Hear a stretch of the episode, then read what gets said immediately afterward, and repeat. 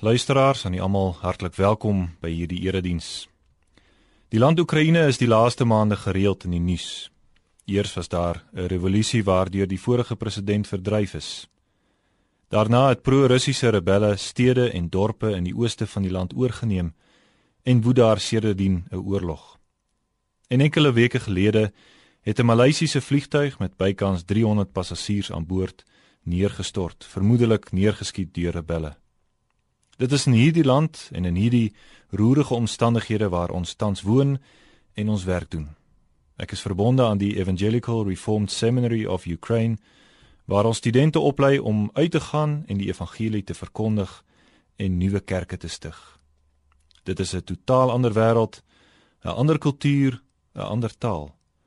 Maar uiteindelik het hulle, net soos ons hier in Suid-Afrika, die evangelie van Jesus Christus nodig. Bid asseblief saam met ons vir hierdie land en die werk wat ons daar mag doen. Die teks vir vanoggend se preek is die woorde van Paulus in 1 Timoteus 4, die verse 4 en 5. Maar kom ons begin en ons bely dat ons hulp in die naam van die Here is en ons luister na die hoërskoolkinders wat saam vir ons gaan sing Psalm 121 die eerste vers.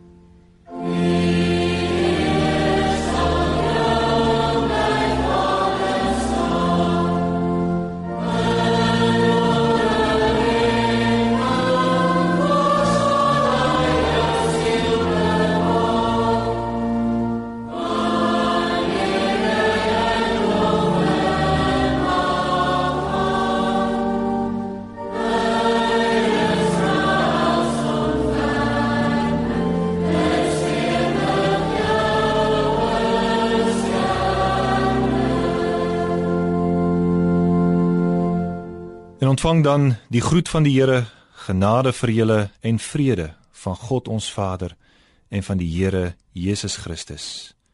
Amen. In antwoord op hierdie groet, luister ons weer na die hoërskoolkinders wat saam die môre lied sal sing, Psalm 108 vers 1.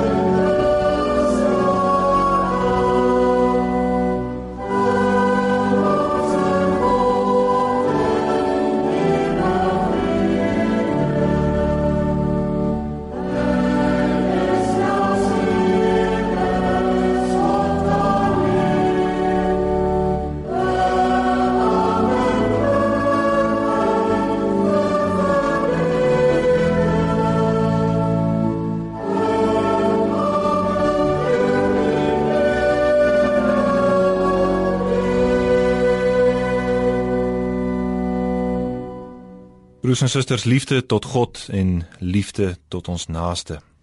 Dit is die Here Jesus se samevatting van die wet. Maar om hierdie liefde konkreet te maak, kom ons luister na die 10 gebooie soos wat ons dit vind in Eksodus 20. Toe het God al hierdie woorde gespreek en gesê: Ek is die Here, jou God wat jou uit Egipte land, uit die slawehuis uitgelei het. Jy mag geen ander gode voor my aangesig hê nie. Jy mag vir jou geen gesneede beeld of enige gelykenis maak van wat bo in die hemel is of van wat onder op die aarde is of van wat in die waters onder die aarde is nie. Jy mag jou voor hulle nie neerbuig en hulle nie dien nie. Want ek, die Here jou God, is 'n jaloerse God wat die misdaad van die vaders besoek aan die kinders, aan die derde en aan die vierde geslag van die wat my haat. En ek bewys barmhartigheid aan duisende van die wat my liefhet en my gebooie onderhou. Jy mag die naam van die Here jou God nie ydelik gebruik nie, want die Here sal die een wat sy naam ydelik gebruik nie ongestraf laat bly nie. Dink aan die Sabbatdag dat jy dit heilig. Ses dae moet jy arbei en al jou werk doen. Maar die sewende dag is die Sabbat van die Here jou God. Dan mag jy geen werk doen nie. Jy of jou seun of jou dogter of jou dienskneg of jou diensmaagd of jou vee of jou vreemdeling wat in jou poorte is nie. Want in 6 dae het die Here die hemel en die aarde gemaak, die see en alles wat daarin is, en op die sewende dag het hy gerus. Daarom het die Here die Sabbatdag geseën en dit geheilig. Eer jou vader en jou moeder, dat jou dae verleng mag word in die land wat die Here jou God aan jou gee. Jy mag nie doodslaan nie. Jy mag nie egbreek nie. Jy mag nie steel nie. Jy mag geen valse getuies teen jou naaste spreek nie. Jy mag nie jou naaste se huis begeer nie. Jy mag nie jou naaste se vrou begeer nie of sy dienskneg of sy diensmaagd of sy os of sy esel of iets wat van jou naaste is nie. Kom ons bid nou saam. Vader in die hemel, dankie dat U ons nadat U ons verlos het, nadat U ons uitgelei het uit die slawehuis nie aan ons lot oorgelaat het nie. Dankie dat U ons leer hoe om U lief te hê. U liefde en ons naaste liefde hê. Gee ons die krag van die Gees om dit te doen, dat ons nie net hoorders van die woord sal wees nie, maar daders. En vergewe ons waar ons dit nagelaat het. Vergewe ons waar ons swak ambassadeurs van U liefde was en ander nie U beeld in ons kon raak sien nie. Here werk in ons daaglikse bekering en groei. Ons wil U dank vir hierdie Sondag, hierdie rustdag. Gee dat ons dit mag gebruik om U werke te doen. Dankie vir so baie wat op hierdie selfde oomblik saamkom om U te aanbid. Nie net in ons land nie, maar oor die hele wêreld. Gee dat die een geloof in die een God ons mag saambind. Vader wil U U self in hierdie wêreld openbaar as die koning van alle konings en gee dat meer en meer mense vir u en vir u wil sal buig. Sien ons nou as ons die woord gaan lees en daarna gaan luister. Openbaar u self aan ons om Christus wil. Amen. Die skriflesing vir die verkondiging van die woord kom uit Paulus se eerste brief aan Timoteus 1 Timoteus 4 die verse 1 tot 5 en ons wil in besonder fokus op die verse 4 en 5 En kom ons lees hierdie gedeelte saam. 1 Timoteus 4 vanaf vers 1. Maar die skrif sê uitdruklik dat in die laaste tye sommige van die geloof afvallig sal word en verleidende geeste en leringe van duiwels sal aanhang deur die gefeinstheid van leienaars wat gebrandmerk is in hulle eie gewete wat verbied om te trou en gebied dat die mense hulle moet onthou van voedsel wat God geskape het om met danksegging gebruik te word deur die gelowiges en die wat die waarheid ken. Want elke skepsel van God is goed en niks is verwerplik as dit met danksegging ontvang word nie. Want dit word geheilig deur die woord van God en die gebed.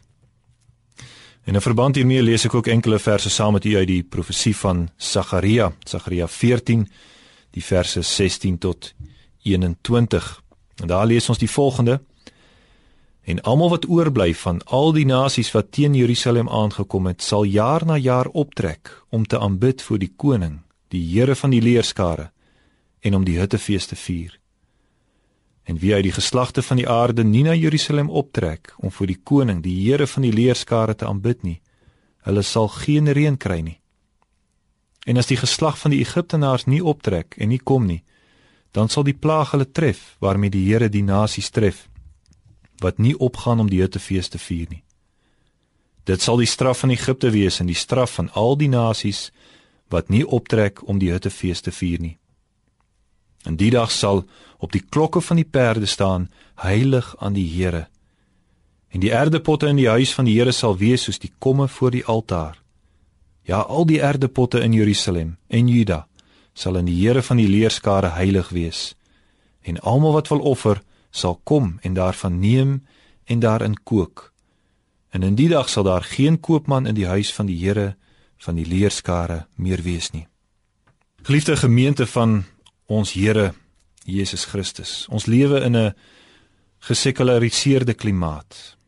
Ons tyd is onderhewig aan toenemende sekularisasie.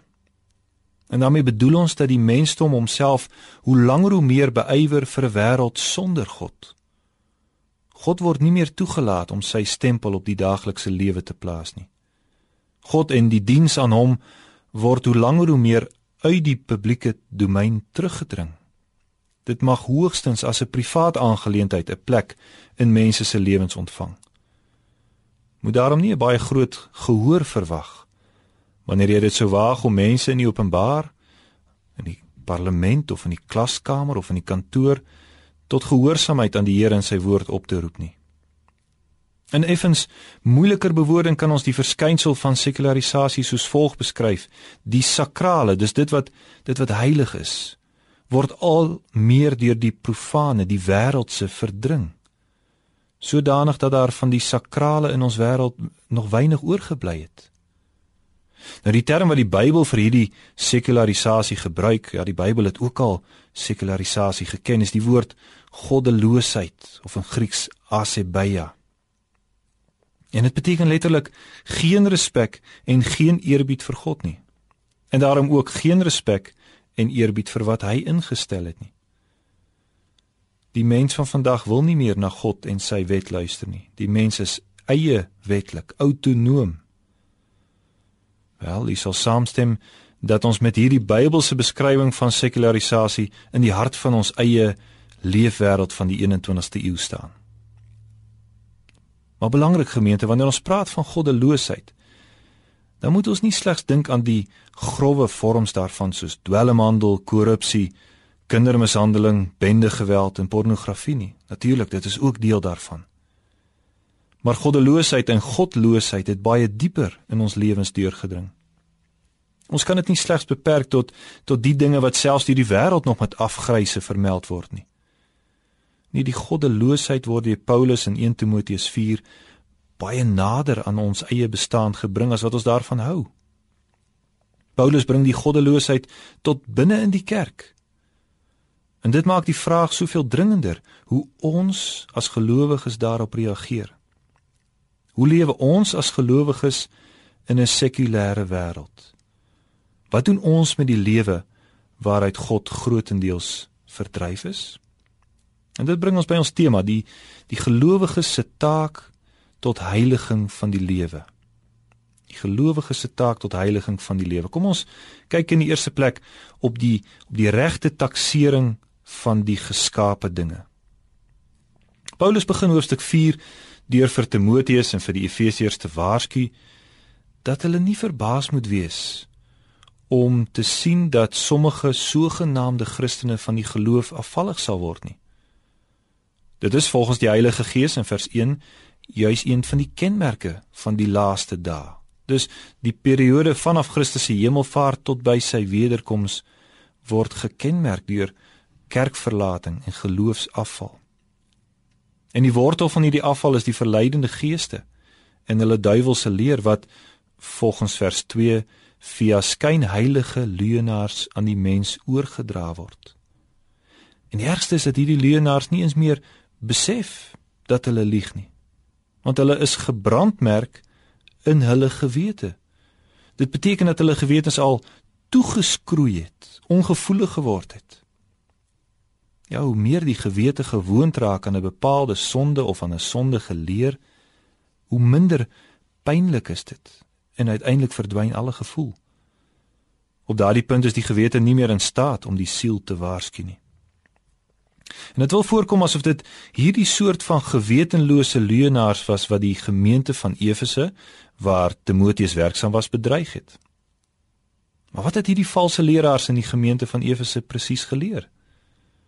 Wel, Paulus stel dit vervolgens in vers 3 aan die orde wat verbied om te trou en gebied dat die mense hulle moet onthou van voedsel. Dis nogal verrassend nie waar nie. Gesien dit wat Paulus net hier voorgesê het oor die verleidende geeste en die duiwelse leer, sou mense iets baie ergers verwag. Ons sou verwag dat hierdie valse leers, leraars byvoorbeeld die godheid van Jesus Christus ontken het of of miskien verlossing deur goeie werke voorgestaan het of 'n ander dwaalleer aangehang het. Maar nee, hulle verbied eenvoudig dat daar getrou word en gebied dat mense hulle moet onthou van voedsel. Maar daar is in begin soms niks verkeerd daarmee om as ongetroude deur die lewe te gaan of om 'n vegetariër te wees nie. Nee, God God roep self sommige Christene om ongetrou te bly of om vir 'n tyd lank sekere kossoorte te vermy. Maar wat was die agterliggende gedagte van die valse leraars se eise? Op grond waarvan het hulle hierdie eise gestel? Dit wil voorkom asof hierdie valse leraars geleer het dat die huwelik as ook voedsel inherënt sondig is. Volgens hierdie gedagtegang is alle fisiese of materiële dinge 'n verhindering vir die geestelike lewe.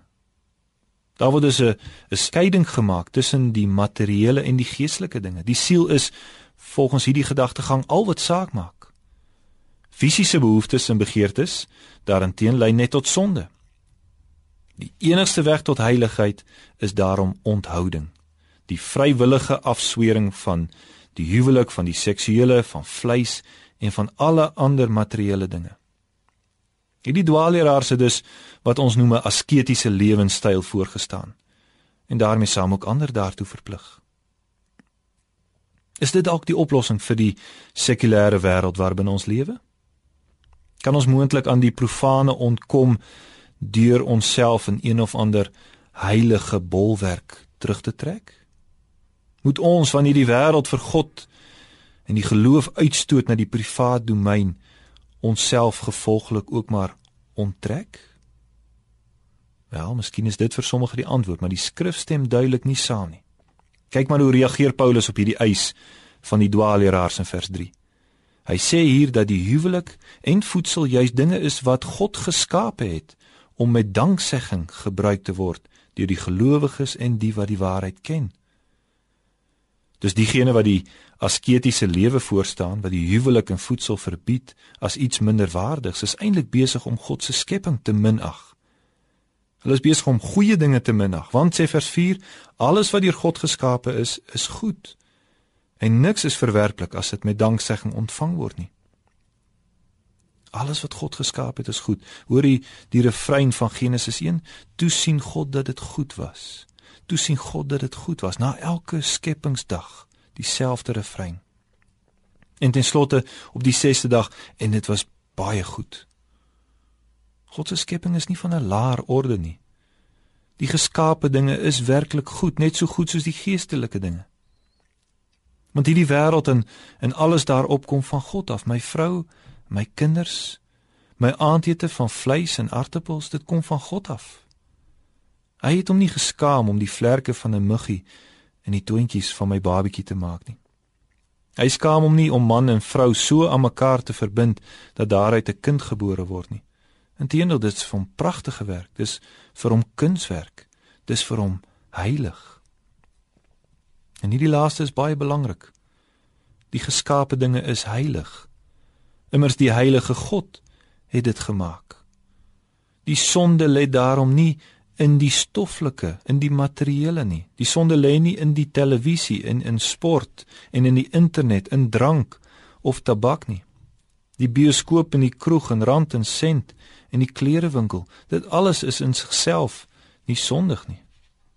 Ja, die sonde steek op uit omdat my hart bedorwe is omdat ek in die wêreld die dinge verkeerd gebruik en selfs misbruik. Dis daarom nie verniet dat Paulus tot twee maal toe herhaal dat ons die geskape dinge met danksegging moet ontvang nie. Die regte houding moet na vore kom in ons gebruik van die geskape werklikheid. Maar in sigself is al hierdie geskape dinge goed. Ek mag daarom nie die Here en sy maaksels beledig deur 'n kunsmatige onderskeid tussen die materiële en die geestelike, tussen natuur en genade te maak nie. Nee, die Here plaas my volledig binne die geskape werklikheid, sy geskape werklikheid. En hier waar ek geplaas is, moet ek leer om die allerhoogste God in sy skepingswerke te eer. En laat ons dit aan mekaar en ook aan ons kinders voorhou. Ons help ons kinders en ons jong mense nie wanneer ons die indruk skep asof die gesekulariseerdheid van ons wêreld in die geskape dinge skuil nie. Asof die geskape dinge op sigself sleg is nie. En ons help hulle ook nie wanneer ons hulle om die rede aan al hierdie dinge onttrek nie. Jy mag nie na hierdie of daardie plek toe gaan nie want dis 'n sondige plek. Nee. Of los nou die drank, dit is sleg vir jou. Nee. Uiteraard skuil daar gevare in sekere plekke, in drank en tabak. En gevolglik moet ons ons kinders daarteen waarsku. Maar waarsku hulle teen die werklike gevaar?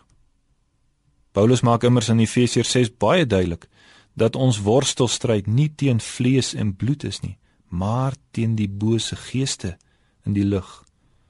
Teen daardie bose geeste moet ons mekaar waarsku. Daar lê die gevaar. Dit is dus baie belangrik dat ons mekaar dat ons aan mekaar en aan ons kinders die regte perspektief, die regte kyk op die geskaapenis sal gee. Die geskape dinge is God se en ons mag dit alles sonder uitsondering met danksegging gebruik. Loof die Here vir sy skepping.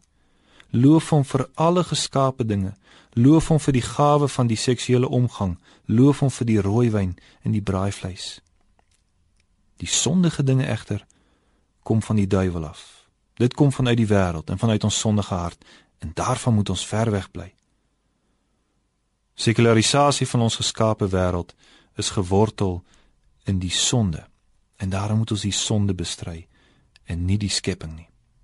Maar kom ons let nog op 'n tweede punt en dis die vraag hoe moet ons dan die dinge aan die Skepper heilig? Wat is die gepaste heiliging?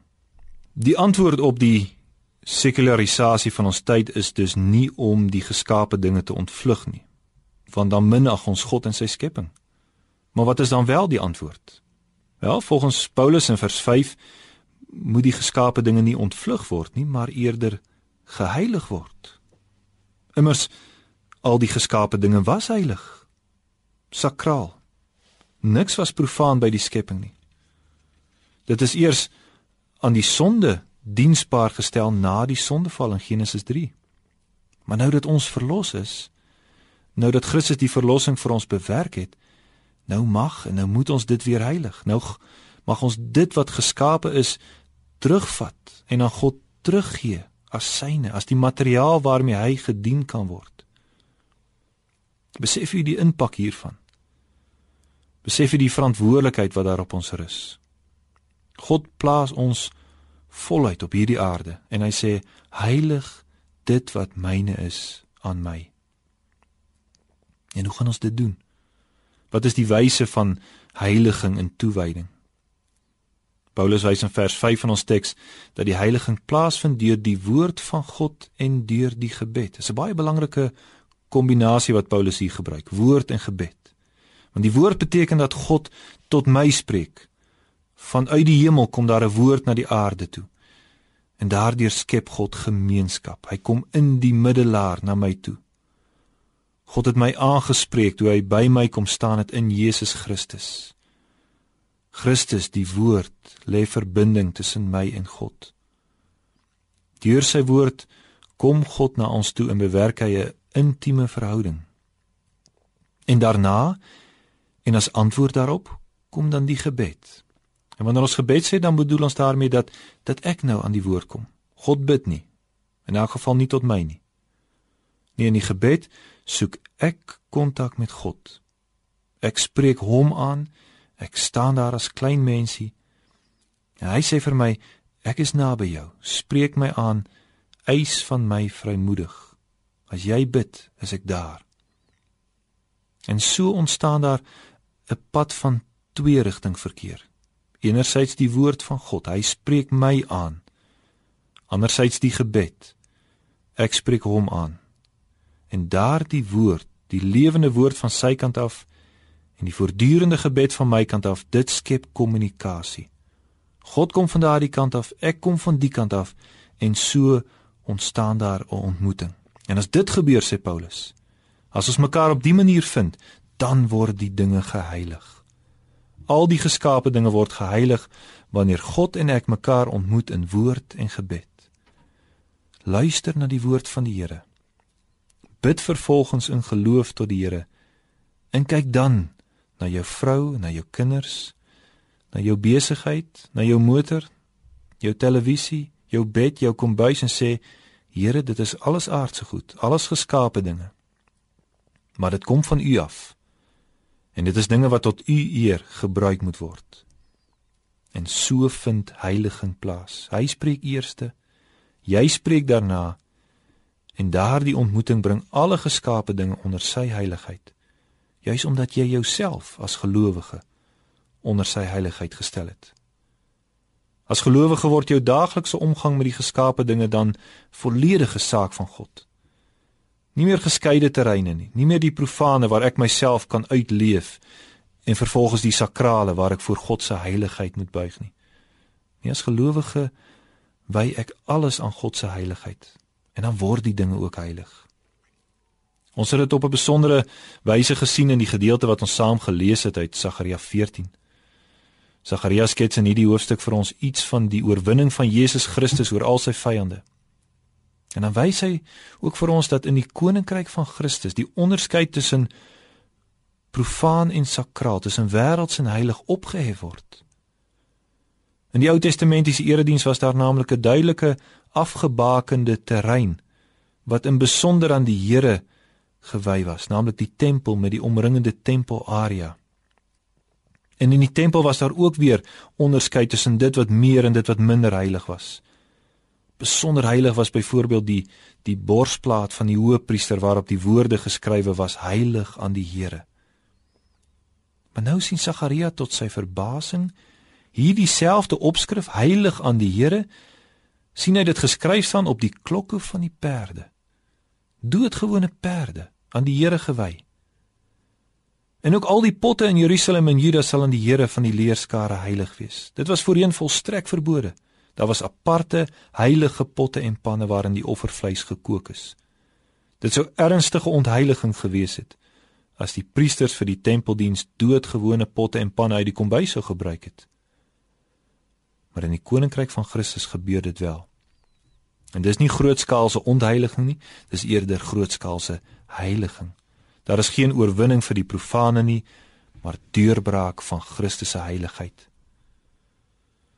Deur die oorwinning van Jesus Christus aan die kruis kom elke duimbreedte van die geskaapte werklikheid onder sy heerskappy en word elke gelowige tot hoëpriester bevorder. Weg daarom in die voorhangsel, weg met die tempel, weg met die altaar en die offers. Daar is nou nie meer net 'n klein terrein waar die Here geheilig word en 'n groot terrein daaromheen waar dit nie gebeur nie alles word nou in sy diens geheilig. Wanneer ons daarom bid, laat u naam geheilig word, dan is daar geen terrein van die lewe wat nie hieronder val nie. Die gelowige wat hierdie bede bid, annexeer alles vir sy koning. Ons moet daarop uitwees om die terrein van die profane al hoe meer te laat krimp en die heilige terrein groter en groter te maak. En onthou daar is geen neutrale niemandsland tussenin nie. Nee, as hoëpriesters gaan ons uit om alles onder koning Jesus se naam te kry. Elke dag word aan die Here gewy, nie net die Sondag nie. Elke deel van ons huwelik is heilig aan die Here, nie net wanneer ons saam Bybel lees en bid nie. Elke rand en sent van my begroting is heilig aan die Here, nie net my tiendes vir die kerk nie. Elke keer wanneer ek die televisie aansit, is 'n heilige daad voor die Here, nie net wanneer ek 'n Christelike program kyk nie. Elke drankie wat ek drink, is heilig aan die Here, nie net die slukkie nagmaalswyn nie. Dit is die ingesteldheid waarmee ons as gelowiges die wêreld behoort in te gaan.